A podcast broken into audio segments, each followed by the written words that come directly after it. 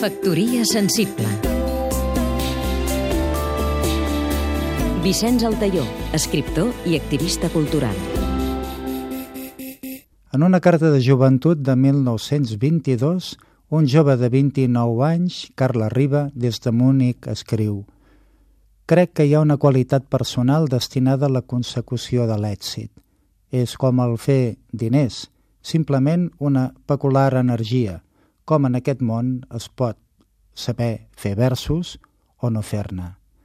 Riba, que se'n va anar a complementar els seus estudis, becat pel Consell de Pedagogia de la Mancomunitat, amb la seva esposa Clementina, el seu fill petit, la mare d'aquesta més una mainadera, ben aviat va descobrir Goethe i Hölderlin.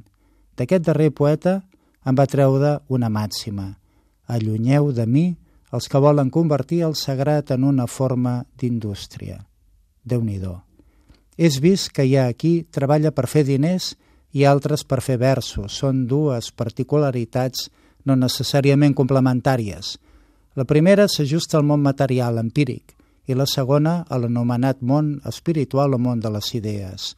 L'un té un correlat de valor objectiu anomenat diner, que tant fa el bé com el mal, com democratitza l'intercanvi o divideix en classes propietat i producció. L'altre, arrenglerat en valors de qualitat estètica, també es classifica entre ordre i transgressió, acadèmia i subversió. Les equivalències, és vist, entre la gent de diner i la gent sàvia no són equànimes. Factoria sensible Seguim-nos també a catradio.cat